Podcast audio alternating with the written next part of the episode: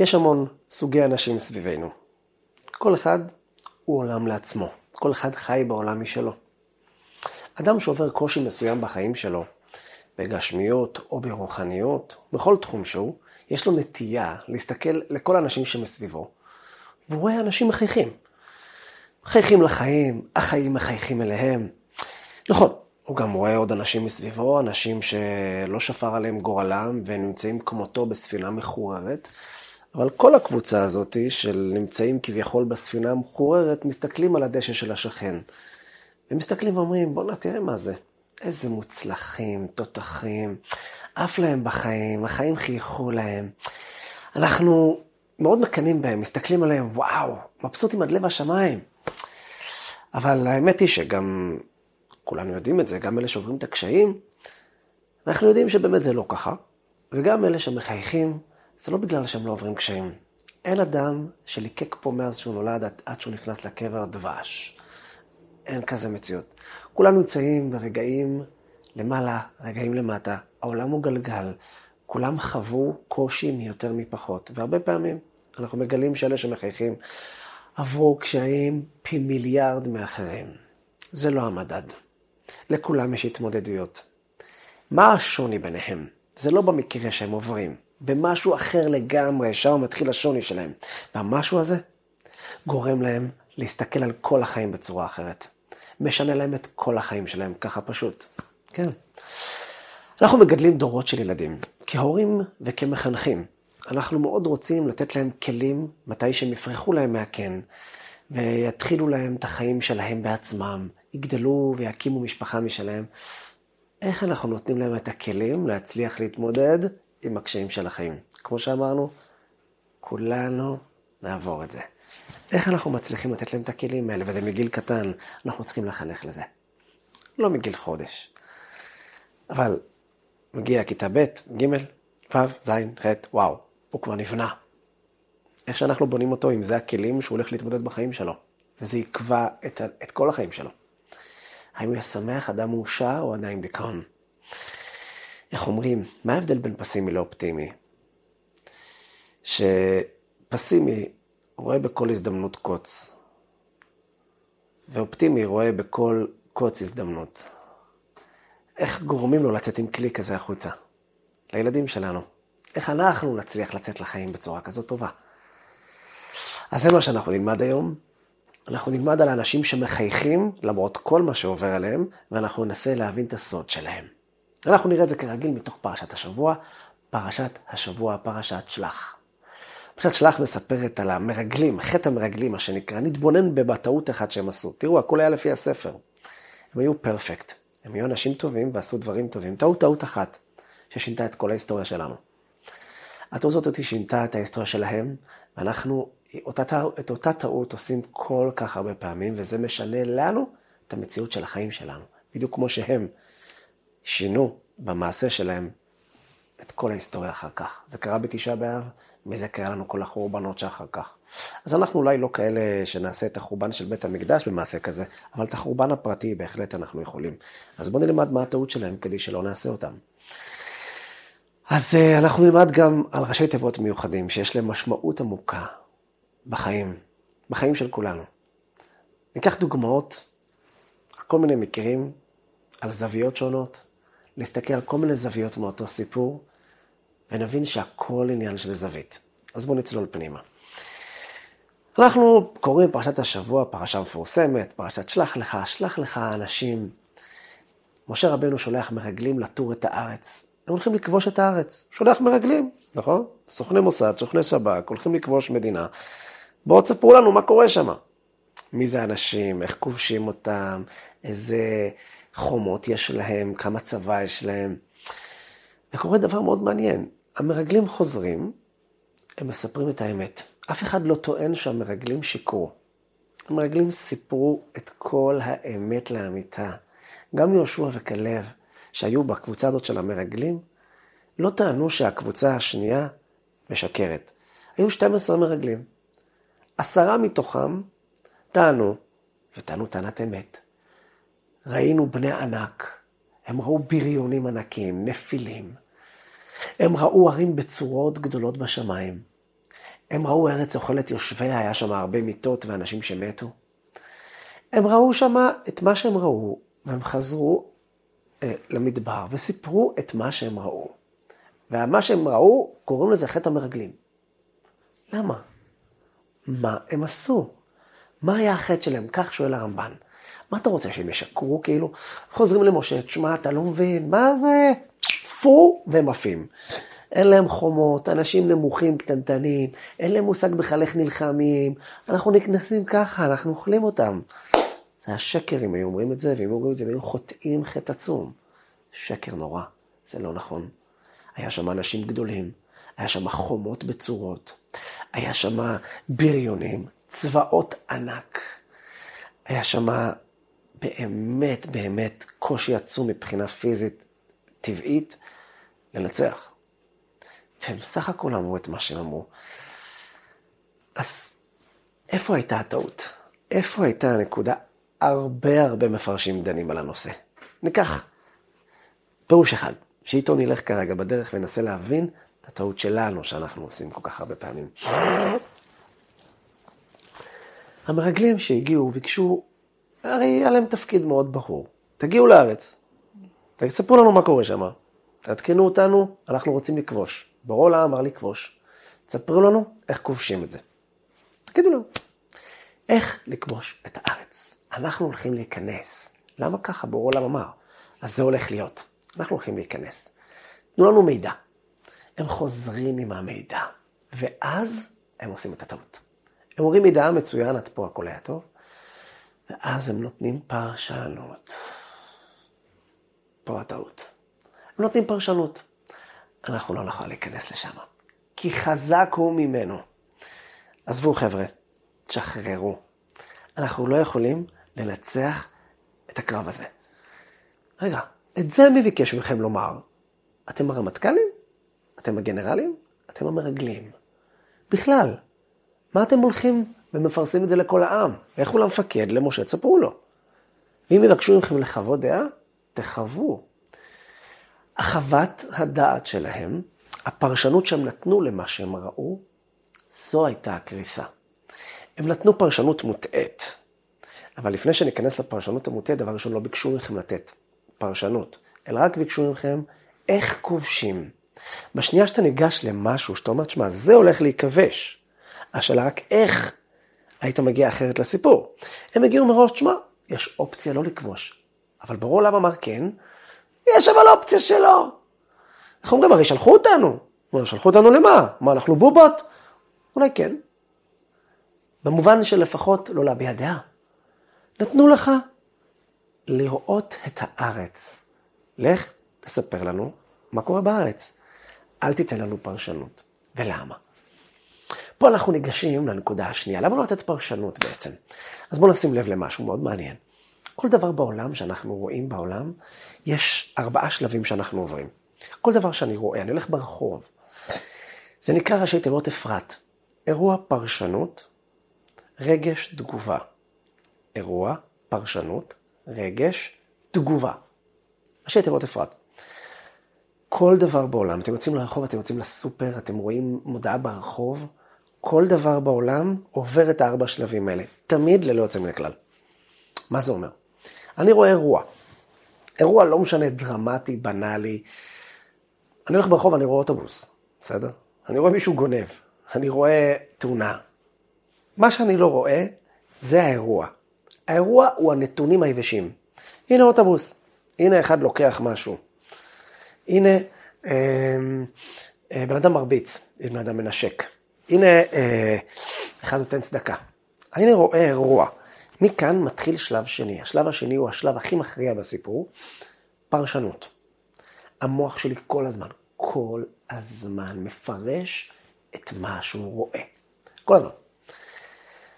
עכשיו תבינו, זה עובד במיליוני פרשנויות בדקה. אנחנו הולכים ברחוב ויש לנו פרשנות. הפרצוף של השכן, כשאני יוצא החוצה ואני רואה את השכן מולי, יש לי פרשנות על הפרצוף שהוא עושה לי. אני ראיתי פרצוף.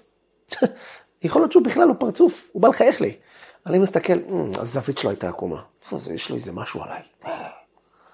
הפרשנות הזאתי תבינו, זה, אמרנו, כמו שאמרנו, זה אפילו על פרצוף של שכן, זה על כל דבר שהוא.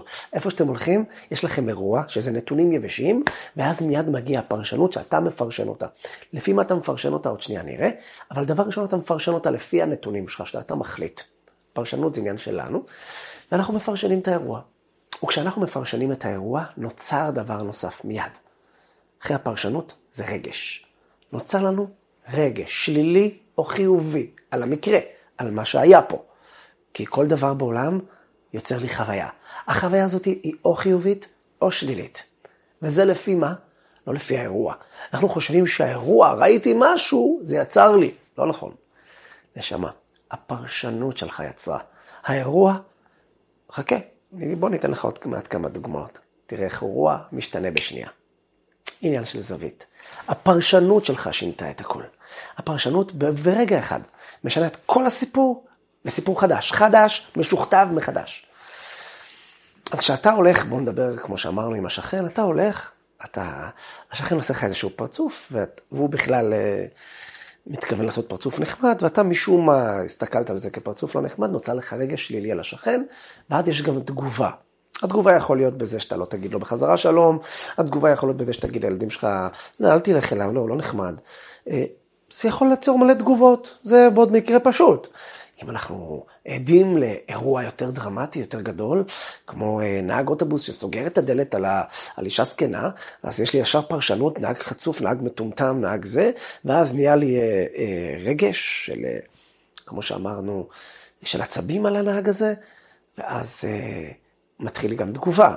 אני יכול לצעוק עליו, אני יכול לא לנסוע בחברה הזאת, אני יכול להתלונן, להזמין משטרה, נהיה תגובות שרשרת, לפעמים מוצדקות, כן, עוד פעם. אני רק אומר, מה שקרה זה הפרשנות, זה לא האירוע. אז בואו נשים לב שכל הדבר הזה של הפרשנות הזאת, היא נתונה לוויכוח, כי זה עניין של זווית. מה שאתה רואה, לא אני רואה. שתינו הולכים על אותו מקום, על אותו קרקע, על אותה עולם. אנחנו שמונה מיליארד אנשים פה. האם שמונה מיליארד אנשים חיים באותו אטמוספירה, באותו עולם? מה, בטח כן, כדור הארץ. התשובה היא לא נכון. כל אחד חי בעולם משלו. אנחנו חיים בתוך קונכיה, אנחנו מפרשנים את העולם לפי העולם שלנו. אבל התניא מפרש על הפסוק, את העולם נתן בליבם. מה זה את העולם? נתן בליבם. מה, יש בלב שלי את העולם? התשובה היא כן. אתה יודע מה אתה רואה בעולם? מה אתה רואה בעולם? מה זאת אומרת? מה שיש בעולם? שטויות. אתה רואה בעולם את מה שיש לך בלב. אתה, יש לך חוויות. אתה, אתה יצור עם עולם שלם פנימי משלך. העולם הפנימי שלך הוא המשקפיים שלך לראות את העולם. כשאתה רואה אירוע, אתה נותן לו פרשנות לפי הזוויות שלך, לפי העולם הפרטי שלך. העולם שלך מלא מכל מה שעברת, מהחוויות ילדות, מחוויות הבגרות, מהכישלונות שלך, מההצלחות שלך. אתה רואה אירוע, נהיה לך פרשנות לפי העולם הפנימי שלך. את העולם נתן בליבם. אבל הפרשנות היא נתונה לוויכוח. בואו ניקח דוגמה, הגמרא מספרת על רבי יוחנן, היה יפה תואר, יפה מראה. יצא לרחוץ בנהר. התרחץ, התרחץ. מהצד השני של הנהר עמד שם אחד שקראו לו ריש לקיש. ריש לקיש היה ראש השודדים באותה תקופה. היה בריון גדול, היה ראש של שודדים, והוא ראה מרחוק אדם יפהפה רוחץ בנהר. התעורר בו תאווה לחטא. וריש לקיש נתן זינוק של החיים שלו, מהקצה של הנהר, כדי לתפוס את רבי יוחנן. רבי יוחנן מסתכל, הוא רואה אדם מתעופף לו באוויר. בואנה איזה עוצמות. כדי לעשות חטא, כדי לעשות שטויות. רבי יוחנן מסתכל, בוא נעצור פה. עד כאן זה אירוע, נכון? עד כאן זה אירוע. אדם מתרחץ בנהר, יש פה אדם שיש לו תאווה, הוא קופץ את הנהר. זה נתונים, נתונים יבשים. מה את, אתה, אני, כולנו, היינו עושים עכשיו? משטרה במקום. מונה בושה וחרפה. האדם הזה עוד מסתובב חופשי? מה זה? מאה, הלו, בואו מהר, מסוקים, בלאגן, מה זה? בצ'קווילים ברחובות, לא מתקרב אליו, שכנים כולם לא עוף ממנו. מה זה הבן אדם הזה? זה בן אדם מושחת, רע מעללים. פרשנות. רבי יוחנן מסתכל על המעופה הזאת. ואומר לעצמו, בואנה, איזה בן אדם עם כוחות, תראה מה זה. יש לו איזה רצון, שום דבר לא עומד בפניו. תראה איזה זינוק הוא מביא, זינוק של החיים. התעופף לו מצד לצד בנהר. רבי יוחנן רואה אותו, אומר, בוא נאחל לך לאורייתא. בואנה, כאלה כוחות יש לך? אתה תותח. אתה תותח. בוא, מה אתה עושה היום? אומר לו, אני ראש השודדים. אומר לו, עזוב, בוא תשחרר. תקבע איתי חברותה. תקבע איתי חברותה, אני אתן לך את הבת שלי לכלה. מה? סגר. אם הוא יפה, הבת שלו בטח יפה גם. ישב ללמוד עם, רש... עם רבי יוחנן. ריש לקיש הזה היה מגדולי האמוראים. קדוש ונורא. ריש לקיש. הריש לקיש הזה, הפרשנות שנתן לו רבי יוחנן למה שהוא ראה, יצא רגש אחר ותגובה אחרת. הפרשנות שהוא נתן לאותו סיפור, אותו מקרה שכולנו היינו מתפוצצים עליו, כמו הר געש. רבי יוחנן נתן פרשנות אחרת. הרגש היה רגש חיובי כלפיו, והתגובה הייתה תגובה חיובית, והתוצאה, אוי, כמה שונה. במקום שיש לקיש יהיה בכלא, הוא נהיה מגדולי ישראל. צדיק יסוד עולם. הוא גם התחתן עם הבת של רבי יוחנן. הם נהיו, אה, הוא נהיה חתן שלו. אז נבין, המשמעות של מה שאנחנו רואים נתונה על הפרשנות שלנו. אנחנו לוקחים את הדבר הזה. כמו שמסופר על סוחרים. סוחר אחד שנסע, העמיס נעליים על אונייה ונסע לאיזה אי מרוחק. רצה למכור שם את הנעליים. הוא יורד לאי, והוא רואה שכל האנשים שם הולכים יחפים. הוא אומר, יאללה, איזה ברוכי, מה לי יש לעשות פה? הם בכלל לא אוהבים נעליים, בכלל לא רוצים נעליים, יאללה. הולך חזרה לאונייה, אומר למלאך, יאללה, חזור, חזור למדינה, זה לא... עשינו טעות, זה לא המקום. אחרי כמה חודשים הגיע סוחר נוסף, גם הוא מילא נעליים, רצה למכור שם. הוא יורד לשם, הוא רואה את כולם יחפים. הוא פשוט מתרגש. הוא מתקשר לסוכנים שלו בארץ, מאיפה שהוא הגיע, הוא אומר להם, חבר'ה, חבר'ה, אתם לא מבינים מה הולך פה? כולם פה יחפים, אני יכול למכור פה כמויות של נעליים. תביאו לי עוד כמה אוניות, תמלאו לי אוניות, אני רוצה לראות תוך כמה ימים פה, באי הזה עוד נעליים. אין לי מתחרים פה, אין פה אף בן אדם עם נעליים. שתיהם ראו אותו אירוע. הפרשנות הייתה שונה, זה נשאר עני וזה נהיה עשיר. בגלל שהפרשנות שאנחנו נוטלים קובע לנו את הרגש שלנו, חיובי או שלילי, וזה יקבע לנו את התגובה שלנו. וזה בדיוק מה שקרה במקרה שלנו. אז החטא של המרגלים היה בפרשנות שהם נתנו, לא באירוע. הם ראו אירוע, שיהושע וכלב ראו את אותו אירוע, אבל התוצאה כל כך שונה. הם אומרים, לא נוכל לעלות, כי חזק הוא ממנו. יהושע וכלב אומרים, מה לא נעלה, וירשנו אותם. כי נכון נוכל לה. מאיפה הגיע כאלה כתבים? הרי שתכף רואים אותו אירוע. הרי זה לא שיהושע וכאלה אומרים שאתם שקרנים. כי הנושא פה זה לא איזה אירוע אתה עושה, אלא מה הפרשנות שנתת לה. הפרשנות הזאת הייתה צריכה לעבור דרך משה רבינו. בגלל שמשה רבנו הוא בן אדם שייתן פרשנות אחרת למה שאתם רואים. הרי כמו שאנחנו יודעים, באמת הכל היה פרשנות שונה. הרי באמת, באמת, הם ראו הרבה לוויות שמה. אבל זה היה בגלל שהקדוש ברוך הוא רצה שלא ישימו לב שמגיעים מרגלים, אז הוא העסיק אותם בכל מיני לוויות. ועוד, כמו שהחז"ל מביאים פה על הרבה מקרים שהם כאילו ראו דברים לא טובים, אבל בעצם זה היה דברים מצוינים בשבילם, רק כדי שהם יצליחו. הזווית שבו אנחנו מסתכלים על החיים, היא מה שתיתן לנו את החיים שלנו, את העולם נתן בליבם. אז יש את הסיפור המפורסם עם הרבי ריאץ, שבשתיים בלילה חיפשו יהודים שהתוועדו יחד. חיפשו משקה, קצת לחמם את הלב ולא היה, הוא יצא החוצה לכפור הרוסי. שעה שתיים בלילה, הוא חוזר אחרי שעתיים וכולם מסתכלים, נו, איפה הוודקה? אומרים, תראו, וודקה לא הבאתי כסיפור, הבאתי. אומר להם, חיפשתי איפה אני מוצא וודקה. עכשיו אמרתי, אני אחפש שיכור. מצאתי שיכור מתגולגל. מתגולל בתוך אה, בוץ שלוליות. הגעתי אליו, ראיתי אותו עם חצי בקבוק, אמרתי לו, יקירי, יש מצב לך שאתה מביא לי חצי בקבוק, אני משלם לך לבקבוק שלם? הוא אומר לי, נה, נה, עזוב, לך. אמרתי לו, אני אביא לך מחיר של שתי בקבוקים. מחר תוכל לקנות שתי בקבוקים, שתי בקבוקים ברוסיה של אז. לא פשוט. אומר לו, לך, עזוב, עזוב. אומר לו, תקשיב, אני אתן לך מחר ארגז, ארגז וודקה, רק בבקשה, הנה, קח כסף, קח ארגז, מחר עוד כמה שעות בוקר, אני צריך את זה עכשיו, נאו. אומר לו, עזוב, לא, אין מה לדבר. הרבי רץ, העלה את המחיר לחמישה רובל. הוא אומר לו, תשמע, קח חמישה רובל. אתה יכול לקנות עם זה הרבה יותר מוודקות, בגדים, עניינים. מסתכל על השיקוב, אומר לו, יהודי, ז'יד, עם החמש רובל שלך, מה אני אעשה? זוג מכנסיים, נעליים, כובע פרווה, זהו. אמר לו, אבל עם זה, מוסיס את הבקבוק, מנענע אותו. כל מוסקבה שלי.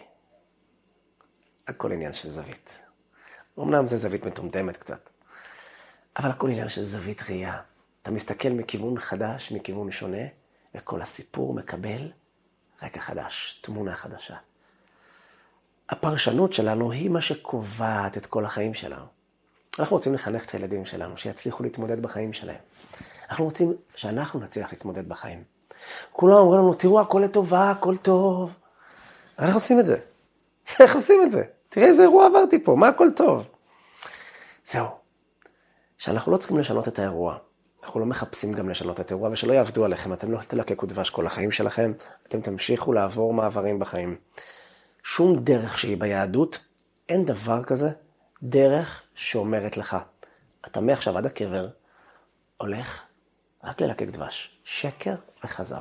הדבר היחיד שיהדות יכולה להגיד לך, אתה יכול מעכשיו עד הקבר לחייך, למרות מה שאתה עובר. אבל שאף אחד לא יספר לכם, אתה לא עובר. אני אוהב את האנשים האלה, זהו, מצאתי סגולה, מעכשיו, לא עובר עליי כלום. הצדיקים הכי גדולים עברו, שהאמינו פי אלף ממך, ואנחנו אמורים לעבור את המסע הזה, וזה שיעור בפני עצמו, למה אנחנו אמורים לעבור כזה מסע. אבל אנחנו יכולים לשנות את הפרשנות שלנו. אפשר גם לשפר את האירועים כמובן, לשפר. אבל בסוף בסוף הפרשנות היא זו שתקבע את החיים שלנו. אז לכן אם אנחנו רוצים לצאת לסיכוי חדש, לתת לילדים שלנו את העוצמות להתחיל ולא, ולתת להם לצאת לחיים שלהם כלים להצליח שם, בואו נעשה את זה. ניתן להם את הכלים לפרשן מחדש מקרים. איך עושים את זה? די פשוט. הם מגיעים, הילד מגיע מהבית ספר, מגיע מהתלמוד תורה, הילדה מגיעה אפילו מהגן, בגילאים טיפה יותר גדולים. הם מספרים לכם איזשהו אירוע. אתם, האירוע הזה שמספרים לכם, אתם, אה, הם, הם מספרים לכם אירוע לא נעים, לא קל. אנחנו קודם כל צריך להזדהות איתם, עם הכאב שלהם, לא ישר לברוח לפרשנות האחרת. דבר ראשון, להזדהות איתם, להבין אותם. לפעמים גם לשפוך קצת שמן למדורה, זה בסדר, העיקר שירגישו שאנחנו איתם, וזה נכון. אבל אחרי שנרגע קצת העסק, ניקח את הסיפור, נחזור איתו אחורה, וננסה לתת לו פרשנות שונה, יחד עם הילד. פעם ועוד פעם ועוד פעם, הילד מקבל פרשנות חדשה. אל תדאגו, את הרגש והתגובה, הם ישנו כבר לבד. אנחנו לא צריכים לעבוד על הרגש בקטע הזה, וגם לא תגובות. אנחנו כבר מחפשים איזה תגובות יש לו. תשנה את הפרשנות הבאה. ואז הרגש יהיה שונה, והתגובה תהיה שונה. בהצלחה.